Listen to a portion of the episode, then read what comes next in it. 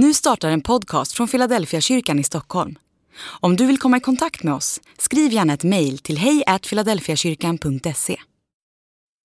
Dag 227. Förkrosselse.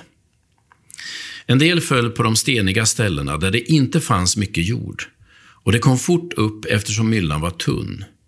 Men när solen steg sveddes det och vissnade bort eftersom det var utan rot. Sådden på de steniga ställena, det är den som hör ordet och genast tar emot det med glädje, men inte har något rotfäste inom sig, utan är flyktig. Blir det lidande och förföljelse för ordets skull kommer han genast på fall. Matteus kapitel 13, vers 5-6 och vers 20-21. Det finns ett ord i Bibeln som beskriver hur ett stenhjärta blir till en bördig åker. Och det är ordet förkrosselse.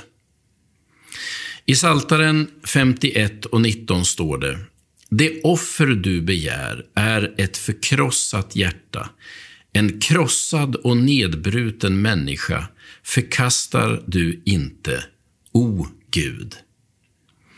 Vägen till förkrosselse går via självinsikt. Ofta börjar det med att vi känner att vårt hjärta är stumt och hårt. Vi inser att vi inte får den skörd vi vill ha i våra liv. Nästa insikt är att vi inte kan göra så mycket åt oss själva. Det är då vi börjar känna oss förkrossade. Förkrosselsen är ungefär som sorg, en konstruktiv sorg.